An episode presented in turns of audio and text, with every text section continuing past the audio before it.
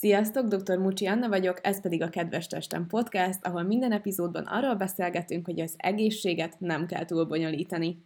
Mivel életünk nagy részét a munkahelyünkön töltjük, ezért egyáltalán nem mindegy, hogy ezt milyen környezetben tesszük. A mai epizódban a toxikus munkahelyekről beszélgetünk Kundrák Villővel, aki a jog és pszichológiának a megalapítója, jogász, HR vezető és business coach. Szia Villó, köszönöm, hogy elfogadtad a meghívást.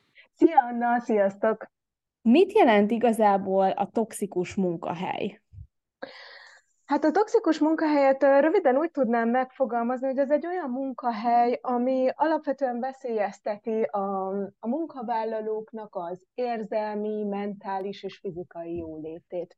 És, és ebben a, a körben szerintem nagyon fontos beszélni a pszichológiai biztonságról, ami, ami nagyon-nagyon fontos egy, egy munkahelyen.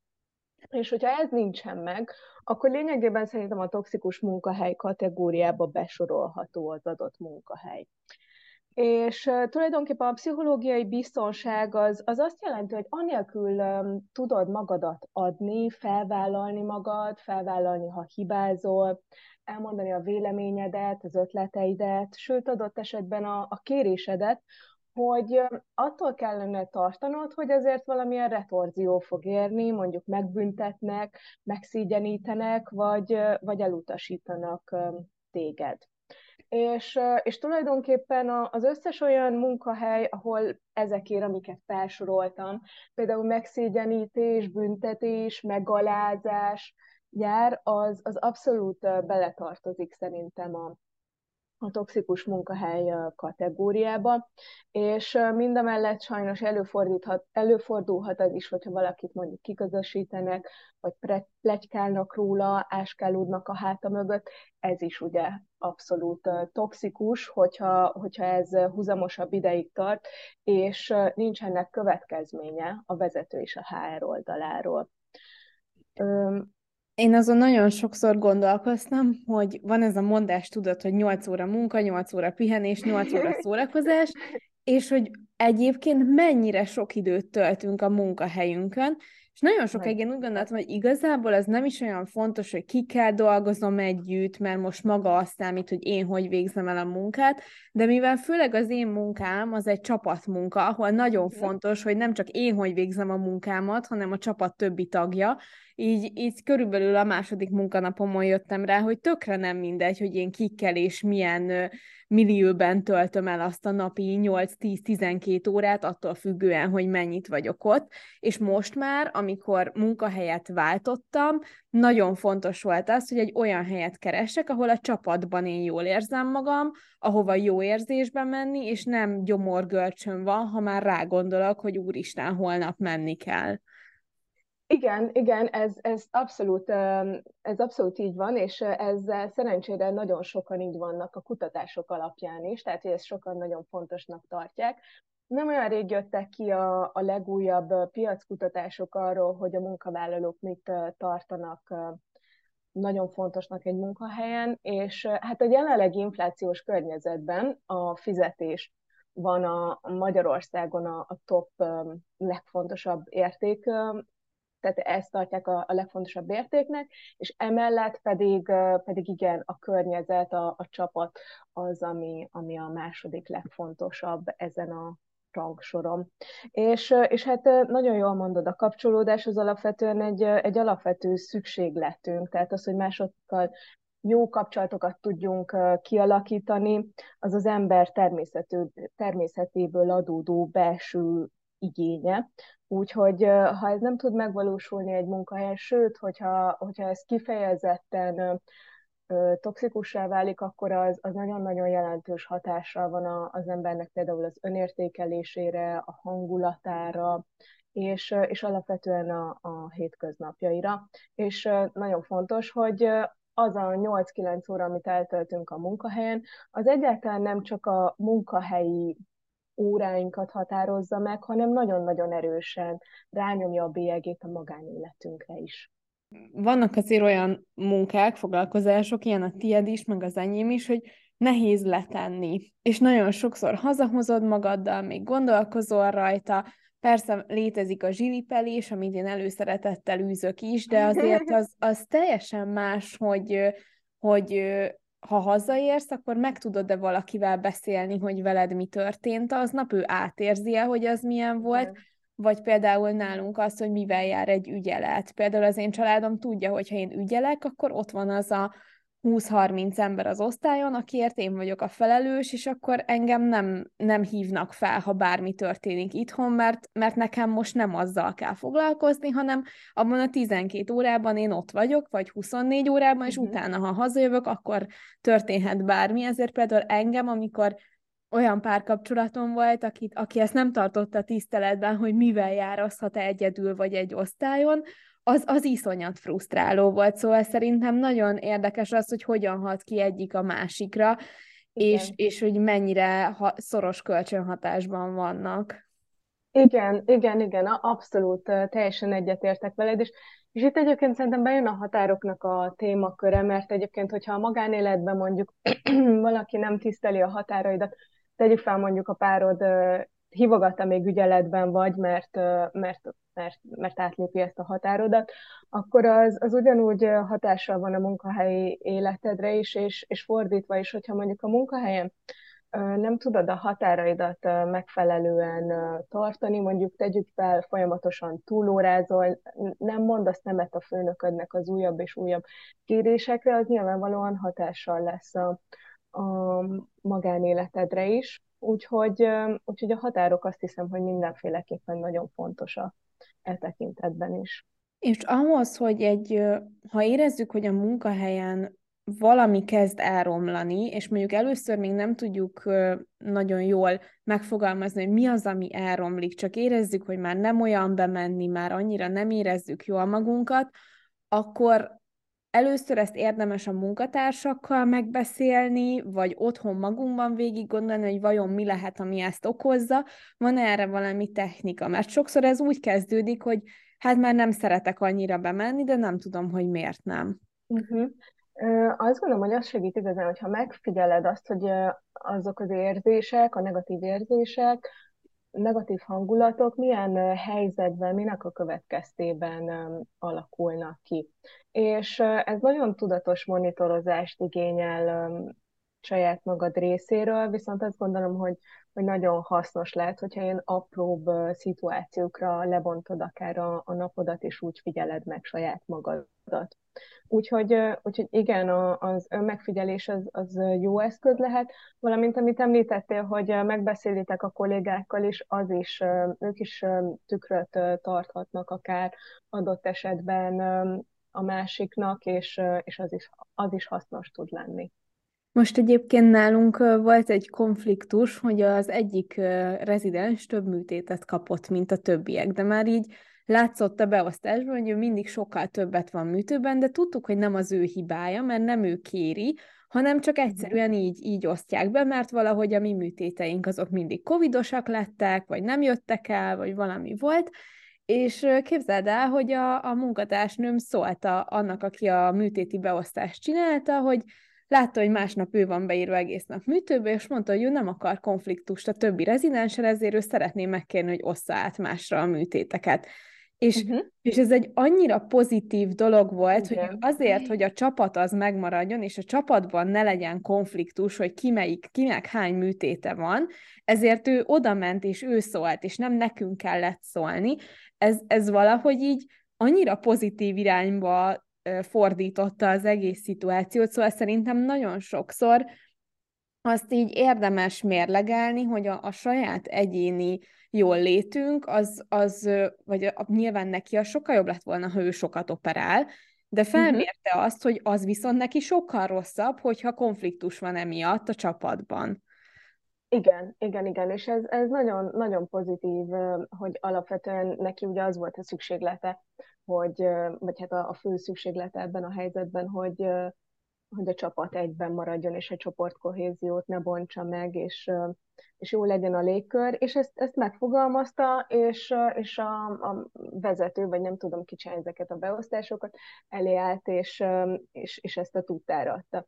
És ez nagyon-nagyon fontos, amit mondasz, és ez tényleg példaértékű, hogy így járt el, mert HR-esként is azt látom, hogy hogy nagyon sokszor tűrnek és tűrnek a munkavállalók, egészen addig, amíg tele lesz a pohár, majd felmondanak. És akik például hozzám fordulnak business coachingba, azok gyakran elmondják, hogy ugyanezt élték meg már a hárommal ezelőtti munkahelyükön, a mostani munkahelyükön is, és itt az a probléma, hogy ez, ez nem biztos, hogy hogy jövedelmező megoldást hoz ebben az esetben a felmondás, hanem, hanem nagyon fontos, hogy megtanuljuk megfogalmazni a szükségleteinket, és azt merjük kimondani, mert tényleg sokszor meglepően pozitív eredményeket érhetünk ezáltal el, és, és azt gondolom, hogy minden kapcsolat az egészséges asszertív kommunikáción alapul, úgyhogy ez, ez nagyon-nagyon fontos a munkahelyen is. A Kedves Testem podcastot hallgatod, ne felejts el feliratkozni a csatornára. És egy toxikus munkahely az mennyire függ a főnöktől, vagy mennyire a főnök felelőssége, hogy milyen egy munkahelyen belül a hangulat? Hú, ez nagyon-nagyon jó kérdés. Nagyon-nagyon jó kérdés. Alapvetően Amy Andersonnak nagyon sok kutatása van ezzel kapcsolatosan. Ő egyébként egy amerikai szervezetpszichológus a Harvardon is tanít, és ő a pszichológiai biztonságot kutatja. És megállapította a kutatásaiban, hogy az, hogy a pszichológiai biztonság jelen van-e vagy sem, az legfőképpen az adott csapatnak a vezetőjén múlik. Tehát lehet, hogy a szervezeti kultúra az jó, és jó hírű a cég is, egy másik részlegen kiválóan érzik magukat a kollégák, viszont az adott vezetőnek a csapatában borzasztóan. És, és ez azért van, mert a, a vezetőn múlik javarészt az, hogy milyen légkört, normákat alakít ki az adott csapaton belül. Úgyhogy Úgyhogy ez, ez nagyon, nagyon fontos, amit, amit kérdeztél, és, és egyébként Amy Anderson szerint úgy tudja egy vezető a pszichológiai biztonságot megteremteni, hogy hogy időről időre emlékezteti a csapattagjait arról, hogy mi az, amit szeretne, hogy elfogadott norma legyen, milyen légkört, és mi az, amit semmiféleképpen nem szeretne, és nem tolerál. Tehát tegyük fel, ebbe beletartozik az is, hogyha valaki mondjuk egy másik csapattagot kinevet, azért, mert adott esetben rossz választ adott valamire, vagy hibázott egy projektben, akkor azt nagyon gyorsan jelzi, hogy ez, ez nem egy elfogadott magatartás az ő csapatában. És, és nagyon fontos, hogy ő maga is példát mutasson. Tehát, hogyha mondjuk az ő véleményével szemben fogalmaznak meg kritikát, vagy elmondják az olyan ötleteiket a munkavállalók, amik nem egyeznek a vezető ötletével, abban a helyzetben is megfelelően viselkedik, és, és ezt kellően asszertíven és toleránsan fogadja. Tehát, tehát a vezetőn nagyon-nagyon sok múlik. Hmm. És mikor jön el a felmondás ideje? Mert azt te is mondtad, hogy sokáig tűrnek, tűrnek az emberek, de mi lenne ebben a helyzetben, ha úgy érezzük, hogy valami már nekünk nem komfortos, akkor nyilván az első lépés az lenne, hogy oda megyünk, és ezt jelezzük. Viszont én ezt főleg otthon tapasztaltam, hogy nagyon sokszor, ha jelzem, hogy ez vagy az probléma, még akkor is, ha azt kultúrált formában teszem, a magatartási szabályoknak megfelelően, vagy a, az etikai normáknak megfelelően, akkor is egyáltalán az, hogy én kritizálni próbálom a főnökömnek a rendszerét, már az egy hatalmas ellenérzést szül, és én nekem nagyon sokszor volt az a tapasztalatom, hogy azért nem jelezzük, hogy probléma van, mert már vagy szóltunk, és nem változott semmi, vagy, vagy szóltunk, és rajtunk csattant az ostor. Uh-huh. Ebben az esetben szerintem több megoldás is van. A, ami nagyon-nagyon fontos, hogy a vezető szerintem ne kritikaként tehát ne, ne, ne kritikaként értelmezze a, a csapattagjának a visszajelzését, hanem, hanem tényleg éles határokat fektessünk le. Mondjuk, hogyha oda jön délután ötkor az asztalunkhoz, és éppen lejárna a munkaidőnk, hogy még ezt a feladatot csináljuk meg, akkor teljesen konkrétan meg lehet mondani, hogy reggel 8.30-ra érkeztem, itt tart a munkaidőm, holnap reggel ezzel a feladattal fogom kezdeni, most pedig elmegyek. ha, ha pedig nem bírsz mondjuk többet, akkor jelzed, hogy A, B, C feladat van most a prioritási listámon, kihúzzam valamelyiket, és berakjam a D feladatot, vagy maradjon így a prioritási lista. Tehát, hogy ilyen apró, apró dolgokkal is lehet jelezni, hogy, hogy ez, ez nem tolerálható számodra, és hogyha ez sem vezet eredményre, ahogy, ahogy mondtad, akkor tényleg el kell szerintem azon, vagy célszerű elgondolkozni azon, hogy, hogy mondjuk a, a munkavállaló mennyire szeretne az adott cégnél maradni, és esetleg megpályázni cégen belül egy másik munkalehetőséget, vagy új lehetőségek iránt nézni, ami, ami egy kicsit bonyolítja a helyzetet, hogy mindenkinek nagyon egyedi a helyzet. És azt gondolom, hogy főleg ak- a, akkor, amikor már valakinek családja van, akkor azért nehezebben, kevésbé rugalmasan tudnak mozogni, sokkal szorítottabb keretek között vannak a, a munkavállalók, az emberek, és nagyon fontos, hogy ilyenkor azt mérlegeljük, hogy az érzelmi bankszámlánk az kiegyenlítette a céggel, tehát hogy az adok-kapok a munkahely is köztem, az, az valamelyest egyensúlyban van-e még. Ha ugyanúgy, mint mondjuk egy, egy párkapcsolatban, vagy egy barátságban.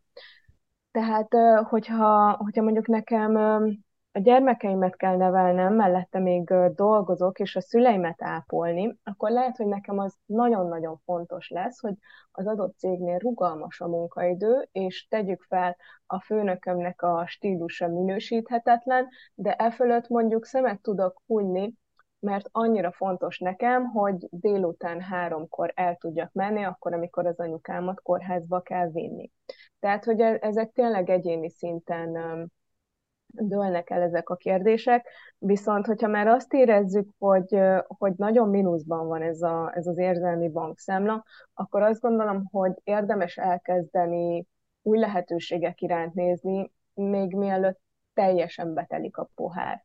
Mert az szokott a, a legrosszabbul elsülni a tapasztalataim alapján, amikor valaki hirtelen düböl felmond, úgyhogy egyáltalán nincsenek még lehetőségei a láthatáron, és, és kiugrik a munkahelyéről, majd azt követően akár hónapokig interjúzik, tehát sok időbe, hetekbe telik mondjuk még új lehetőséget talál, és ez, ez nyilvánvalóan nagyon nagy frusztrációt tud az ember számára hozni.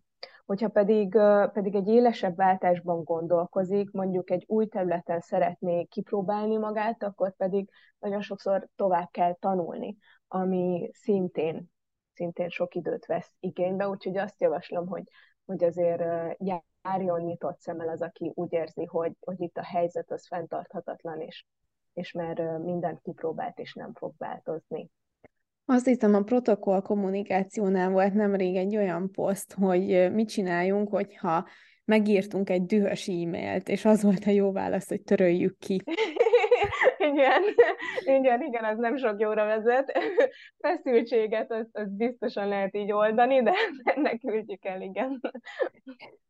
És szerintem ez a, a felmondásra is nagyon igaz, hogy, hogy azt, azt jól végig kell gondolni, hogy mikor, hol, mennyit mondunk, mennyit Igen. nem mondunk, és Igen. nekem az egy nagyon nagy tanulópénz, hogy egyébként nem mindent kell az életben megindokolni. Igen, igen, ez, ez abszolút így van, hogy jobban tud járni a munkavállaló akkor, hogyha tényleg csak simán leteszi a felmondását az asztalra, nem visz bele sok érzelmet, és a lehető legbékésebben válnak el a felek. Ez, ez tényleg a mentális jóléti jóléte érdekében is, és, és hát amit mondtál, a tájékozódás meg a felkészülés, ez nagyon-nagyon fontos, mert most HR oldalról megközelítve nagyon sokszor találkozom olyan jelöltel, aki mondjuk tegyük fel, feltölti az önéletrajzát professionre, LinkedInre, átállítja a státuszát, és nem is van azzal képben, hogy tulajdonképpen mit szeretne az új munkahelyén, azon túl, hogy menekülni a jelenlegiről, hogy mennyit ér a piacon, milyen esélyei vannak, hanem, hanem tényleg a hív elvitte az érzelmei, és, és ebből kifolyólag akár rossz döntéseket is hozhat, amik mondjuk anyagi szinten is meglátszódhatnak a, a következő fizetésében. Igen, ez, ez teljes mértékben igaz, szóval ezt nagyon-nagyon jól végig kell gondolni, meg, meg azért a mai online világban nem nehéz megtalálni az előző munka, munkaadódat, és kérni akár egy ajánlást, sőt, itt nyugaton Igen. azért az nagyon-nagyon jellemző, hogy neked az előző munkáltatótól kell hozni ajánlást, Igen. Vagy például ugye nálunk a, a szakképzésben vinnünk kell tovább az indexünket, mint egy, mint egy egyetem körülbelül, hogy tényleg uh-huh. ugyanúgy néz ki az index, és ezt viszed magaddal, és abban te értékelve vagy az előző munkavállalód által, szóval szerintem az elvállásnál is nagyon fontos, hogy figyeljünk arra, hogy az akármilyen sérelmek értek minket, az, az megfelelően történjen. Abszolút, abszolút egyetértek veled. Sőt, egyébként az ajánlásra visszatérve, igen, nagyon sokan, nagyon sok külföldi cég kéri, egyébként Magyarországon is szerintem egyre elterjedtebb, és sőt, egyébként én mindenkinek, aki mondjuk karriertanácsadásra hozzám fordul, azt szoktam javasolni, hogy hogy próbáljon meg kérni a volt munkáltatójától ajánlást, és az becsatolni egyébként a pályázatához, mert hiába nem is kérik, akkor is az, hogyha egy jó ajánlás, akkor egy plusz pontot jelenthet a felvételi folyamat során. Igen, ez teljes mértékben, meg a motivációs levél, ami itt például nagyon-nagyon elterjedt, hogy mindig kell küldened magadról egy motivációs levelet. Én amikor Svájcban voltam állásinterjún, akkor ki volt nyomtatva a motivációs levelem, és sorról sorra rákérdeztek mindenre, és emlékszem, hogy az egyik kérdés az volt, hogy az hogy lehet, hogy én nekem volt egy főállásom, és mellette máshol is dolgoztam. Ami hát nyilvánvalóan ez a rossz rezidens fizetés időszakából ügyeltem máshol, és akkor ezt ott Svájcban megpróbáltam elmagyarázni, hogy hát ez hogyan történt. ez azért egészen szórakoztató beszélgetéseket tud szülni. Igen. Én, és van-e arról valamilyen kutatás, hogy mi alapján választunk munkahelyet? Mert azt, azt már említetted, hogy az a legfontosabb most a járványhelyzet óta, hogy milyen a fizetés, illetve hogy milyenek a, milyenek a kollégák, viszont van-e arra vonatkozóan most adat, hogy jobban preferálják már az emberek a home office-t, vagy szeretnének újra bejárni az irodába. Szerintem nagyon átalakult egyébként a világ így a járvány óta, és, és én azt figyelem meg, hogy amit már otthonról el tudunk intézni, vagy amit meg tudunk rendelni online, azért nem fogjuk elhagyni a lakást. De közben ott van az a faktor, hogy újra el lehet menni otthonról, és szeretnél elmenni otthonról. Van erről valami objektív eredmény? Hú, objektív eredményt nem, nem vagyok benne biztos, hogy most így hirtelen fel tudok idézni, de abszolút igazad van, tehát hogy ezt HR-esként én is meg tudom neked erősíteni, hogy most már, tehát például a koronavírus járvány előtt az, hogy hogy teljes mértékben home office legyen egy vállalatnál, az nagyon ritkának számított. Manapság pedig azért nem számít annyira ritkának Magyarországon, még még úgy sem, hogy, hogy, e, hogy ez már vidékre is kiterjedt. Tehát például nálunk is a, a cégnél 2020 március óta teljes mértékben home office-ban dolgozunk, és akkor megyünk be az irodába, amikor szeretnénk.